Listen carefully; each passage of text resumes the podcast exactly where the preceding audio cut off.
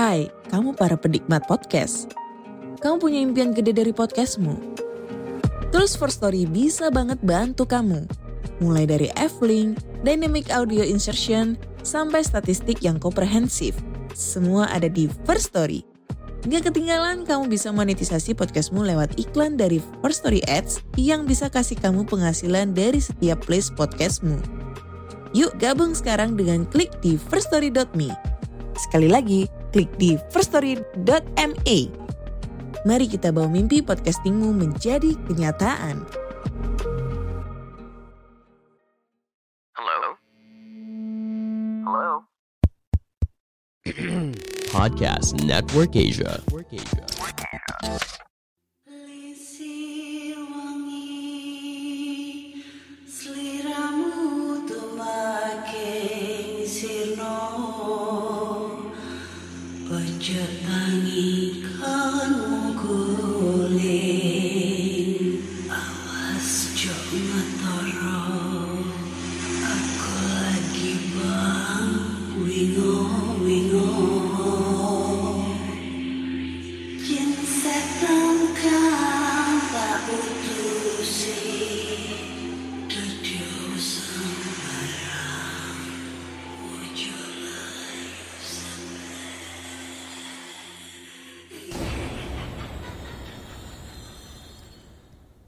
Hai Rek, iya apa kabare?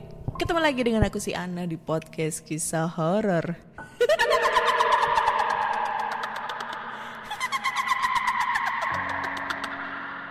Aduh, kangen banget ya. Udah berapa lama nih nggak pernah ketawa-ketawa aka-aka kuntilanak. Ah. Oke, ketemu lagi di episode 163 dan di episode kali ini aku akan bercerita horor atau membacakan email berhantu yang sudah dikirimkan teman-teman melalui podcast kisah horor at gmail.com atau di Instagram podcast kisah horor serta Google Form yang lainnya tersedia di bio Instagram podcast kisah horor. Sebelum kita masuk ke cerita, aku mau sedikit curcol lagi. Wah, yang ditunggu-tunggu nih ya, sesi curcol, curhat colongan. Deleng dedeng gitu kan ada intro musiknya. Kayak sekilas info gitu. Ini tepatnya sih sebenarnya tadi. Gue gabut banget hari ini, galau. Bukan gabut galau. Karena co aduh cowok lagi. Bukan lah. Eh, PDKT PDKT lagi PDKT jadi aku nih kan eh, udah beberapa bulan itu aku PDKT sama orang gitu ya sama cowok. Nah nah kebetulan cowok ini tuh jarang eh, seringnya di laut lagi berlayar gitu. Jadi mau nggak mau kadang ada sinyal kadang nggak ada sinyal. Jadi ya itulah LDR gitu ya. Kebetulan ini tadi eh, biasanya kan kalau kita eh, kalau aku pulang sekolah itu kan eh pulang sekolah. Pulang ngajar itu kan selalu ngasih info aku udah pulang nih. Terus cepret foto lagi di rumah kayak gitu. Nah tadi tuh aku lupa nggak ngefoto ya kan? Terus pulang rumah cuma nginfo aja aku udah pulang. Terus jepret tukang telur gulung karena kebetulan aku lagi beli telur gulung kan. Udah udah gitu eh, ada panggilan mendadak tuh. Tel- temanku telepon mau minta bantuan gitu kan buat ngerjain sesuatu sama buat eh, kerjaan lah di sekolah. Nah mau nggak mau ngerjainnya di warnet karena posisi eh, wifi di rumah itu agak nggak stabil. Terus aku juga belum beli paketan data ya, maklum tanggal tua. Jadi ngerjainnya di warnet. Nah aku lupa tuh cuma ngefoto PC tapi nggak ngasih keterangan. Cuma ngasih bilang ngasih tahu kalau mas bentar ya aku masih sibuk nih begini begini begini. Nah gua nggak lihat kalau dia chat lagi di mana. Gitu dah. Terus balasnya juga lama banget aku soalnya eh, sibuk banget nyelesain itu kerjaan gitu. Nggak taunya dia marah dong. Terus udah berpikiran jelek-jelek tentang aku mungkin di sini aku selingkuh atau mungkin aku jalan sama cowok lain atau apalah padahal enggak cuy gue cari cuan gitu ya terus gue jelasin habis itu dia kayak ya udah kita eh, eh, kita istirahat dulu yuk gitu eh, biar eh, pikiran-pikiran jelek kita di otak itu biar luntur gitu. Terus handphonenya dinonaktifin. Beh, rasanya galau banget sumpah. Pasti kejadian ini pernah deh eh, teralami sama kalian semua kan eh, pada saat kita LDR sama seseorang. Terus kita berusaha untuk menjaga kepercayaan kita buat dia. Tapi di satu sisi lain kita punya kesalahan walaupun kesalahannya itu bukan karena kita kita selingkuh atau apa enggak, cuma lupa ngabarin atau mungkin eh, telat ngabarin itu pasti pikirannya yang pasangan kita yang jauh di sana pasti aneh-aneh. Selalu aneh-aneh kayak gitu. Pasti pernah deh kalian punya pengalaman seperti itu. Gimana ya caranya supaya dia gak ngambek gak ngamuk gitu? Gue orangnya soalnya ini gampang pemikir kalau udah di ngambekin gitu cuy. Sebenarnya ini nangis tapi gue tahan gitu. Tak eh, malu didengar kalian semua. Gitu. Oke masuk aja ke dalam cerita. Dan cerita pertama ini datang dari email ini datang dari siapa nih? Mhm. ini udah belum ya? Belum deh kayaknya. Oke. Langsung aja dibacain ya Berawal dari kisah seram pertamaku di rumah kontrakan keluargaku dulu di Jawa. Rumah ini emang serem banget. Emang modelnya nggak kayak rumah zaman Belanda, tapi ya gitu. Dari auranya aja udah beda. Surem, gak jelas. Bahkan kalau sinar matahari lagi terik, cahaya matahari yang masuk aja nggak kelihatan terangnya dan masih berasa suremnya. Ceritanya, rumah kontrakanku ini dibagi jadi dua bagian. Bagian depan dan belakang. Layar ya kak. Sama gue juga bingung jelasin denahnya. Bagian depan rumahku itu isinya dua kamar, ruang TV sama ruang tamu. Sedangkan bagian belakang itu isinya ada dua gudang yang bentuknya emang cuma disekat nggak kayak ruangan gitu. Katanya sih sama si pemilik dulu itu buat naruh bisnis kerupuknya dia. Kamar mandi kita itu juga nyempil di dekat sama dekat sama gudang itu. Singkat cerita dari awal pindah di sini hal hal apa ya yang hal yang aku alamin serem dan banyak banget yang terjadi. Yang pertama, gagak yang selalu mampir di atap rumah. Ini yang nggak pernah sepi. Tiap mau maghrib sampai malam habis isya, selalu ada gagak yang mampir di atap kontrakanku ini. Nggak cuma mampir, tapi juga rame banget. Pernah waktu itu yang paling serem pas ada dukun di desaku yang sedang meninggal. Tahu-taunya ada gagak gede banget di atap rumah dan bersuara kencang banget. Bukan cuma itu, adikku yang nomor satu, yang emang dianya bisa lihat yang tak kasat mata, tiba-tiba rewel, nangis mulu sampai jam 2 pagian. Sekalian ngomongin adekku yang satu ini, dia pas kita pindah di sini itu emang dari kecil dan dari kecil juga udah ketahuan bisa lihat yang yang apa nih? Yang aneh-aneh. Mulai dari ketawa sendiri terus tiba-tiba nangis tiba-tiba nangis takut. Belum lagi tiap maghrib mata dia selalu melotot ke atas sambil mengeruyu, mengerutkan mulutnya kayak marah gitu. Lalu yang kedua kak gangguan kecil yang dialami nyokap nyokapku itu emang yang paling sering diganggu di antara kami sekeluarga. Nah, jadilah pas pindah di kontrakan ini, awalnya gangguan-gangguan kecil mulai muncul. Seperti kompor yang nyala buat masak tiba-tiba mati sendiri. Terus mainan adikku yang tiba-tiba nyala sendiri. Suara orang berjalan dan yang paling serem adalah ketika nyokapku waktu itu Nina boboin adekku terus tiba-tiba lihat kaki gitu yang seolah-olah ada orang duduk di ranjang. Dipikir nyokap itu kakiku yang lagi duduk.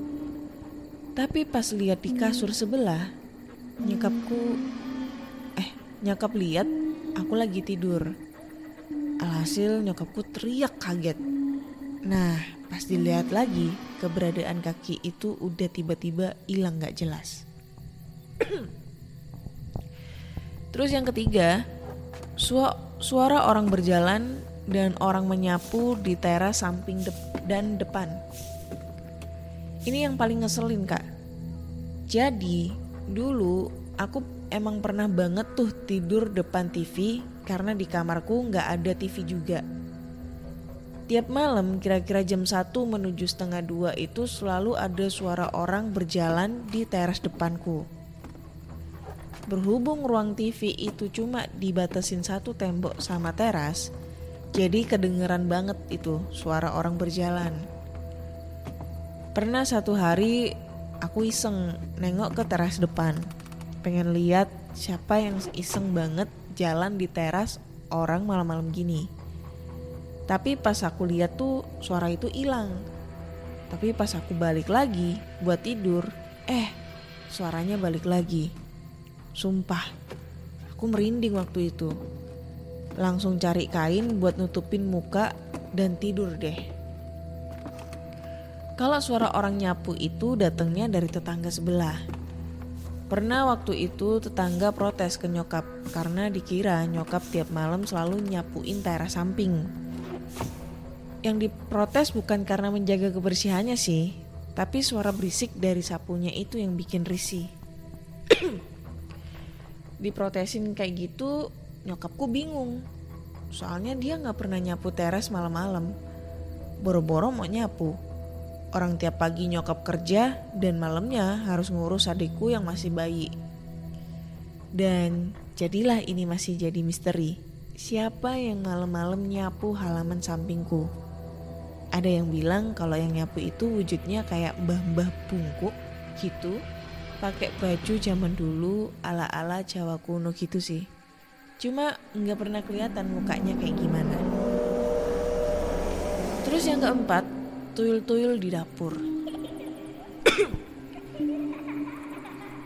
Kalau ini aku yang ngalamin sendiri.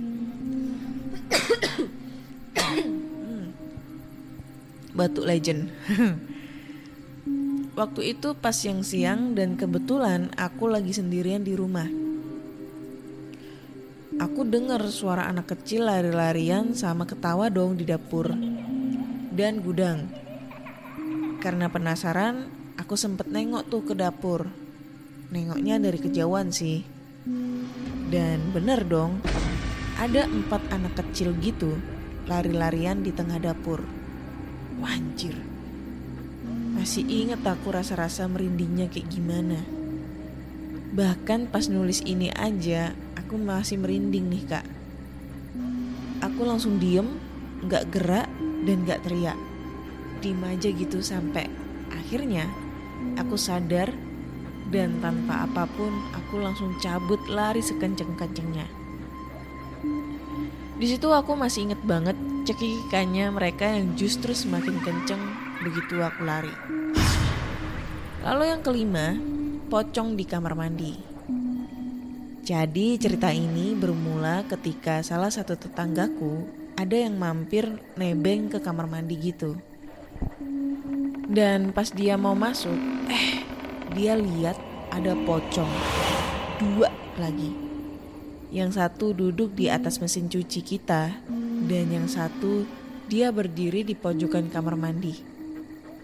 Matanya gede, hitam, nggak ada putih-putihnya, dan mukanya ancur berkerut gitu. Tetanggaku langsung pingsan waktu itu dan pas bangun dia nggak bisa ngomong lancar semacam trauma gitu kak. Sedih ya, kasihan aku. Tahu gitu nggak kita bolehin kamu masuk kamar mandi dah. Tapi emang ada masalah gitu deh dari awal. Soalnya sering banget air keran nyala sendiri. Kalau nggak gitu mati. Padahal di tank penyimpanan airnya penuh. Kadang airnya itu keruh dan bau. Padahal udah dicek beberapa kali, dibersihin beberapa kali juga nggak ada apa-apa dan bersih-bersih aja. Terus yang berikutnya, dua orang gantung diri dan buaya besar di gudang.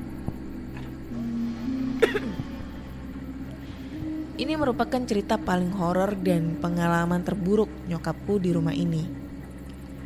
Jadi, karena gudang tidak bersekat, itu enggak dibuat apa-apa, jadinya nyokapku memfungsikan gudang itu sebagai jemuran pakaian sem- semi kering. Kita dulu nguap.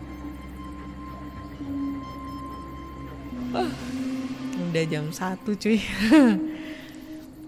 Pas nyokapku ke belakang buat mau jemur pakaian, dia ngeliat ada dua orang gantung diri di langit-langit gudang. Shock, nyokapku langsung teriak sekencang-kencangnya waktu itu sampai beberapa tetanggaku datang. Bokapku langsung nyamper ke gudang dan begitu nyampe sana, nyokapku udah terduduk lemes sambil nutup matanya rapet. Pas disamperin nyokap udah nggak berani tuh buat mak buka mata sedikit pun. Bahkan pas udah pindah ruangan juga masih tetap shock gitu nyokapku. Nggak mau ngomong selama beberapa jam sampai akhirnya cerita kalau ada dua orang gantung diri di langit-langit gudang. Nggak begitu jelas mukanya seperti apa, tapi yang jelas serem banget Soalnya mata kedua orang itu kebuka lebar dan lidahnya keluar. Tipikal orang yang mati gantung diri gitu. Sebelumnya nyokapku juga pernah nemuin buaya ijo gede banget. Gedenya bisa sampai ngisi hampir separuh lebar gudang gudang aku. Lagi jalan ke arah dia dan nyokapku juga pas masuk mau masuk gudang gimana sih ke arah dia dan nyokapku juga pas mau masuk gudang. Cuma nyokapku diem-diem aja, nggak teriak dan nggak cerita siapa-siapa. Sampai akhirnya pas kejadian orang gantung diri ini, nyokapku baru cerita. Alhamdulillah. Dan akhirnya setelah kejadian ini keluarga keluargaku pindah. Udah nggak kuat buat bertahan di tempat ini. Dan bener, ada cerita di balik kemistisan ini kak. Jadi, lahan sebelum rumah itu dibangun emang sempat dijadiin tempat semedi dukun desaku. Bahkan dulu ada batu gede banget dan di sana ada jin yang suka sholat di situ. Bukan cuma itu ada, eh bukan cuma itu. Ada juga pohon sawo yang katanya ada gendruwo yang singgah dan netep di pohon itu. Kalau masalah buaya dan orang gantung diri itu sepertinya karena dulu karena di batu ukuran gede ada jin yang singgah, jadi makin banyak orang hilaf yang suka nyari pesugihan di sana. Bahkan dengar-dengar sampai hari ini nih, meskipun rumah itu udah dibongkar dan di apa nih? Di merjet sama rumah di sampingnya dia, area rumah kontrakan itu masih angker. Masih sering ada penampakan pocong, anak kecil, dan lain-lain. Apalagi area rumah itu sekarang udah dijadiin kolam renang sama pemilik barunya. Kira-kira gitu aja sih kak cerita serem pertama aku ini. Next aku bakal kirim cerita lagi cerita serem lain yang pernah aku atau orang-orang sekitar aku alamin. Disregard. Thank you Kak Ana. Oke, okay. thank you banget. Ini dari siapa sih namanya? Uh, bentar nguap dulu, ngantuk cuy. Oke, okay, dari Kinan ya. Ini sorry banget gue ngantuk banget sebenarnya ini udah jam satu malam ya. Jadi kalau kalian kalian pasti tahu lah ya kalau misalnya ngikutin dari awal podcast kisah horor pasti tahu kenapa aku recordnya jam satu malam. Nah itu. Oke, kita mulai masuk untuk komentarin cerita-ceritanya si Kinan ini ya. Jadi yang pertama ini gagak yang selalu mampir di atap rumah itu. Ini kalau gua eh bisa jadi, bisa jadi kalau mungkin eh, karena pertanda apa ya? Ya karena dukun di daerah dia ada yang meninggal jadinya kayak gitu. Karena emang biasanya sih eh, gagak itu ada dua pertanda. Satu pertanda karena kiriman. Kalau dia sering hinggap ya di area-area rumah gitu. Satu karena kiriman. Maksudnya kiriman itu kiriman-kiriman tidak jelas gitu. Yang kedua menandakan kalau ada eh, ada salah satu anggota keluarga atau mungkin ada orang yang di sekitaran kampung tersebut itu yang meninggal. Nah itu itu biasanya ditandain dengan suara gagak. Nah kenapa gue bisa bilang kayak gini ya ini kepercayaan orang tua dulu gitu dengan suara gagak yang seperti ini. Aku juga sering dikasih tahu temen eh temen mamaku juga kayak gitu maksudnya pengertiannya sama gitu. Kalau ada suara gagak ya pasti ada sesuatu hal yang tidak diinginkan terjadi. Kayak gitu. Terus Huh. Abis itu gue penas, gue tertarik banget sama yang orang nyapu di teras, yang di teras samping itu. Itu udah pernah gue ceritain juga.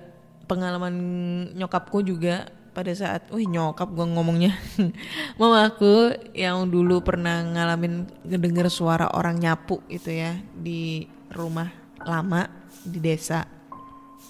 Nah, aku tertarik dengan buaya, buaya ijo gede banget. Nah, ini gue inget banget nih, dulu eh zaman kecil nggak salah aku masih SD kelas 2 atau TK gitu ya aku lupa SD nggak salah kelas 2 kelas 1 jadi sebelum aku nempatin rumah aku yang sekarang itu aku nempat, nempatin rumah yang dulu gitu. Nah rumah yang dulu itu eh, sekarang ditempatin sama kakakku gitu. Jadi kalau rumahku yang dulu tuh lumayan gede rumahnya luas banget. Tapi bangunannya masih bangunan lama nggak kayak sekarang. Kalau sekarang kan udah direnovasi tuh sama kakakku.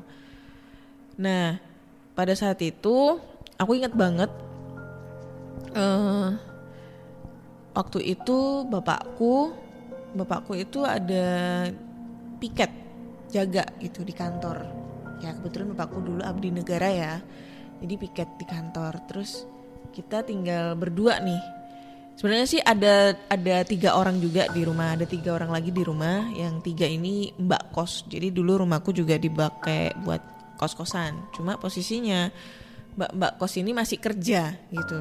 Masih kerja ya. Itu hari apa gue lupa. Pokoknya siang siang siang jam 2 atau jam 3 gue agak-agak lupa ya udah lama banget tuh masih SD nah di belakang belakang belakang rumah maksudnya area belakang itu kamarnya mamaku. Terus depannya kamarnya mamaku itu udah tempat cuci piring dapur. Dan tempat cuci piringnya itu terbuka.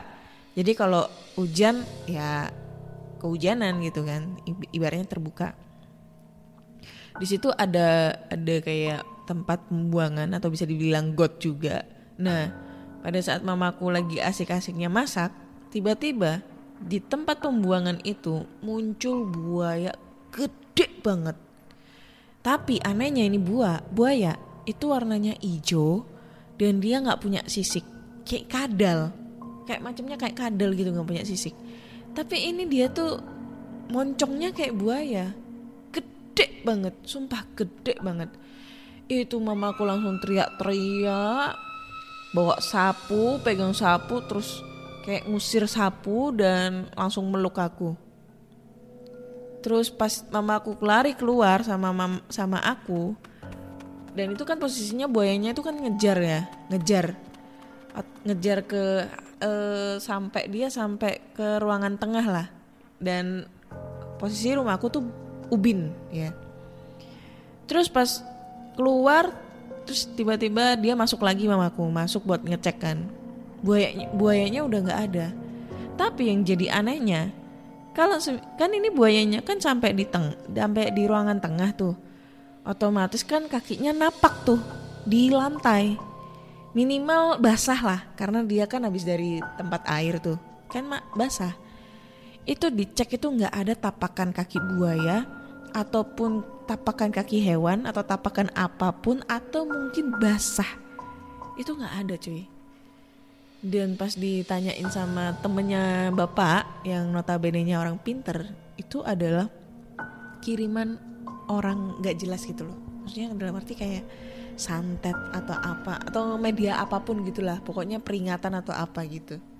Gitu cuy itu pengalaman dari emak gua ya yang dulu sempet dihantuin oleh buaya buntung. Oke lanjut ke cerita berikutnya ya. Ini cerita berikutnya datang dari Google Form. Dari si namanya Dika nih Dika. Aduh bentar nguap dulu. Oke.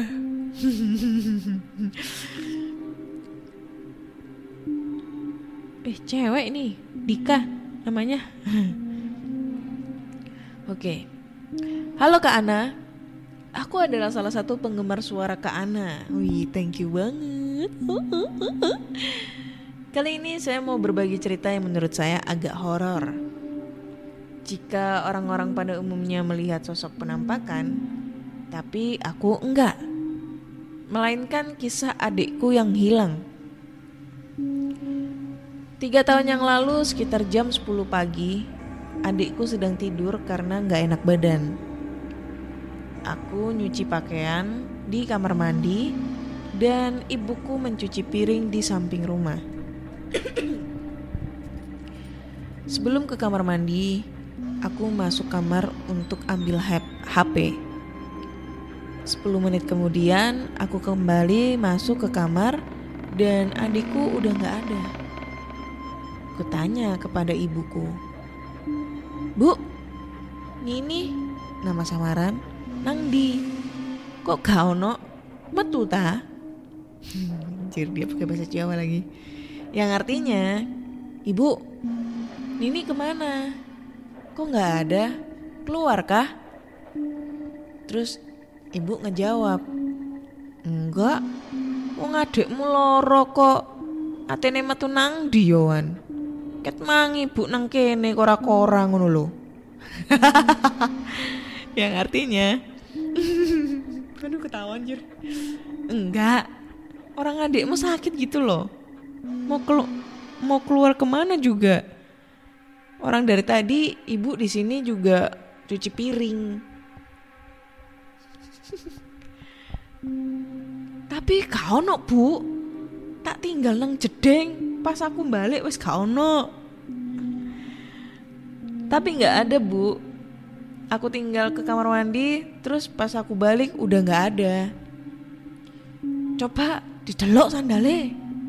Coba dilihat sandalnya Medok Medok coy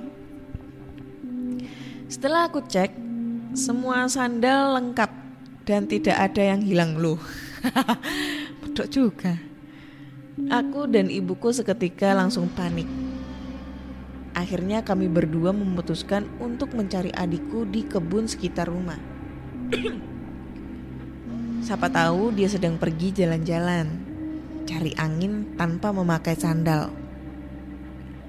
Setengah jam pencarian, kami tidak menemukan adanya tanda-tanda adikku di kebun sekitar rumah. Akhirnya ibu memutuskan untuk menelpon bapak agar segera pulang dari pekerja. Sementara itu, aku melanjutkan pencarian ke radius yang lebih jauh sambil bertanya ke tetangga barangkali ada yang melihat. Oh iya kak, rumahku ini agak jauh dari rumah tetangga. Jadi rumahku ini rumah desa yang posisi letaknya turun dari jalan raya mengarah ke sawah warga. Dua orang tetangga mengatakan bahwa mereka melihat adikku pergi ke arah yang berbeda. Satu orang melihat pergi ke arah kanan jalan, dan satu lagi melihat pergi ke arah sebelah kiri jalan. Karena bingung nggak menemukan hasil apa-apa, kuputuskan untuk kembali pulang ke rumah. Ternyata bapak udah kembali ke rumah. Akhirnya kami berdua pun kembali melakukan pencarian naik sepeda motor. Karena tadi saya hanya berjalan kaki saat pencarian. Hasilnya tetap nihil. Setelah kami kembali di setelah kami kembali di dekat rumah sudah ada beberapa tetangga yang datang. Mereka menyarankan un- untuk datang ke rumah Mbah X untuk minta tolong dilihatkan. Siapa tahu mungkin adikku dibawa barang gaib atau disembunyikan. Kami berdua langsung menuju rumah Mbak X. Sesampainya di sana, Simbah tahu kalau yang dicari adalah anak perempuan. Waktu itu udah azan asar. Mbah X menyalakan rokoknya dan minum sedikit air garam untuk memulai ritualnya. Mbah X ini perempuan ya kak.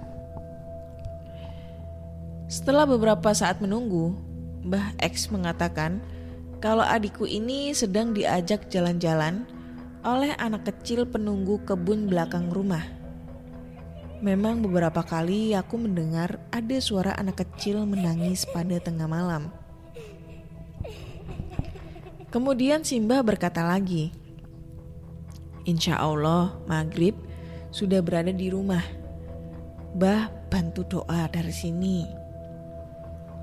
Sebelum kami pulang, Mbah berpesan untuk menebar garam grosok mengelilingi rumah. Kalau yang nggak tahu garam grosok itu garam ini ya, garam kasar, garam dari eh, air laut. Tuh. Ibu udah nangis dari siang. Waktu mendekati azan maghrib begitu menegangkan. Setelah azan berkumandang, bapak mengecek kamar dan belum mendapati adikku kembali ke kasurnya. Kami sekeluarga memutuskan untuk sholat terlebih dahulu. Aku masuk ke kamar sebentar untuk menaruh HP dan pergi berwudu di samping rumah.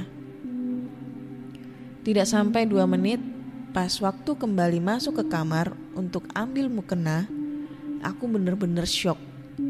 Karena adikku udah kembali ke posisi semula. Posisi yang sama persis seperti yang kutinggal waktu ke kamar mandi untuk mencuci pakaian dan kulihat kakinya pun tidak kotor sama sekali. Seketika aku langsung berteriak memanggil ibuku. Ibuku langsung menangis sambil memeluk dan membangunkan adikku. Setelah adikku bangun, dia hanya bingung kenapa ibu menangis. Padahal katanya dia cuma tidur gak ke mana-mana. Terima kasih sudah dibacakan Kak Ana. Mohon maaf kalau ceritanya tidak seram. Penataan tulisan kurang rapi dan kepanjangan. Sukses terus Kak Ana dan sehat selalu. Thank you banget buat Mbak Dika Wimi untuk ceritanya. Oh ini ya wape ceritanya ya. Ending yang sangat wape. Ini tak tak rungok-rungok kayak eh salah nek tak woco ceritanya ini. Hmm. Ini emang jadi kayaknya Mbak Dika ini tinggalnya emang di pedesaan banget gitu ya yang masih jauh dari kota ibaratnya. kalau ini kan orang kayak Jawa Tim Jawaan, Jawa Timur, Jawa Tengah. Ya kalau Jawa Timur dengan posisi med eh, apa namanya? yang dijelaskan sama Mbak Dika rumahnya seperti itu mungkin daerah Nganjuk, Kediri, Tulungagung. Kalau Jawa Tengah mungkin di daerah Klaten, Solo gitu ya. Ya yang masih pedesaan banget lah. Ya itu tadi. Kalau di pedesaan itu emang aura mistisnya itu apa ya kerasa banget itu loh dibandingkan di kota. Beneran dah. Kenapa aku bisa bilang, kayak gitu ya? Karena eh, udah ngerasain sih. Walaupun aku nggak bisa ngeliat. Cuma kalau misalnya kita berada di lokasi tersebut itu auranya itu udah beda banget gitu loh. Aura-aura mistis, aura-aura apa ya merinding. Kalau gua jujur bukan aura merinding tapi lebih ke penasaran, kepo gitu. Karena rumah rumahnya bapakku yang di Jogja itu Jadi ini rumah depannya tuh udah sawah semua gitu.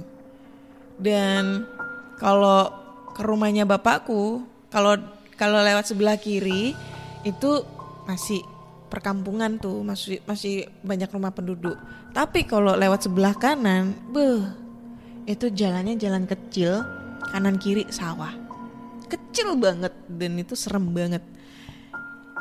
Kayaknya dulu aku pernah bikin story itu di Jogja waktu pulang ke Jogja tapi dalam mobil ya. Tapi posisinya siang hari. Bayangkan kalau itu malam. Kita ngelewatin kandang sapi, kelontang, keluntung, kelontang, keluntung. Mo. Aduh, serem banget sumpah. Tuh. Kayak gitu. Jadi ya mungkin ya syukurnya eh, adiknya Mbak Dika ini eh, kembali dalam keadaan sehat walafiat ya.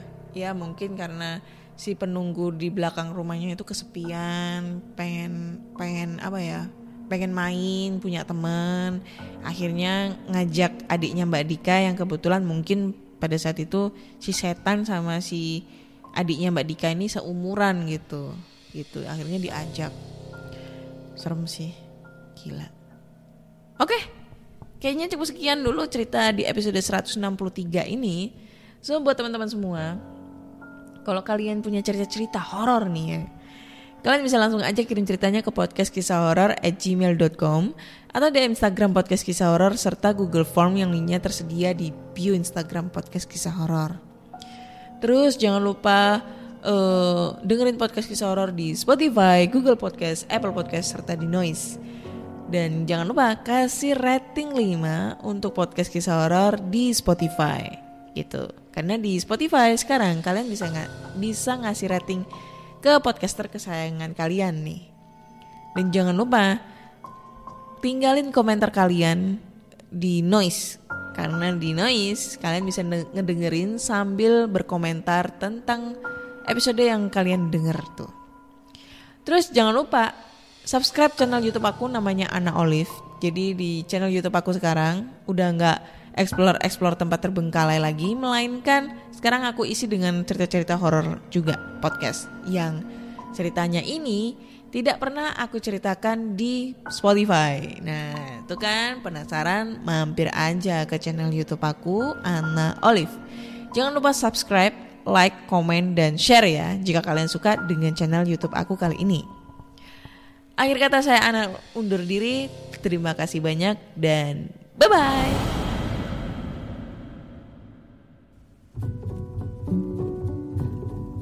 Pandangan dan opini yang disampaikan oleh kreator podcast, host, dan tamu tidak mencerminkan kebijakan resmi dan bagian dari podcast Network Asia. Setiap konten yang disampaikan mereka di dalam podcast adalah opini mereka sendiri dan tidak bermaksud untuk merugikan agama, grup etnik, perkumpulan, organisasi, perusahaan, perorangan, atau siapa pun dan apa pun.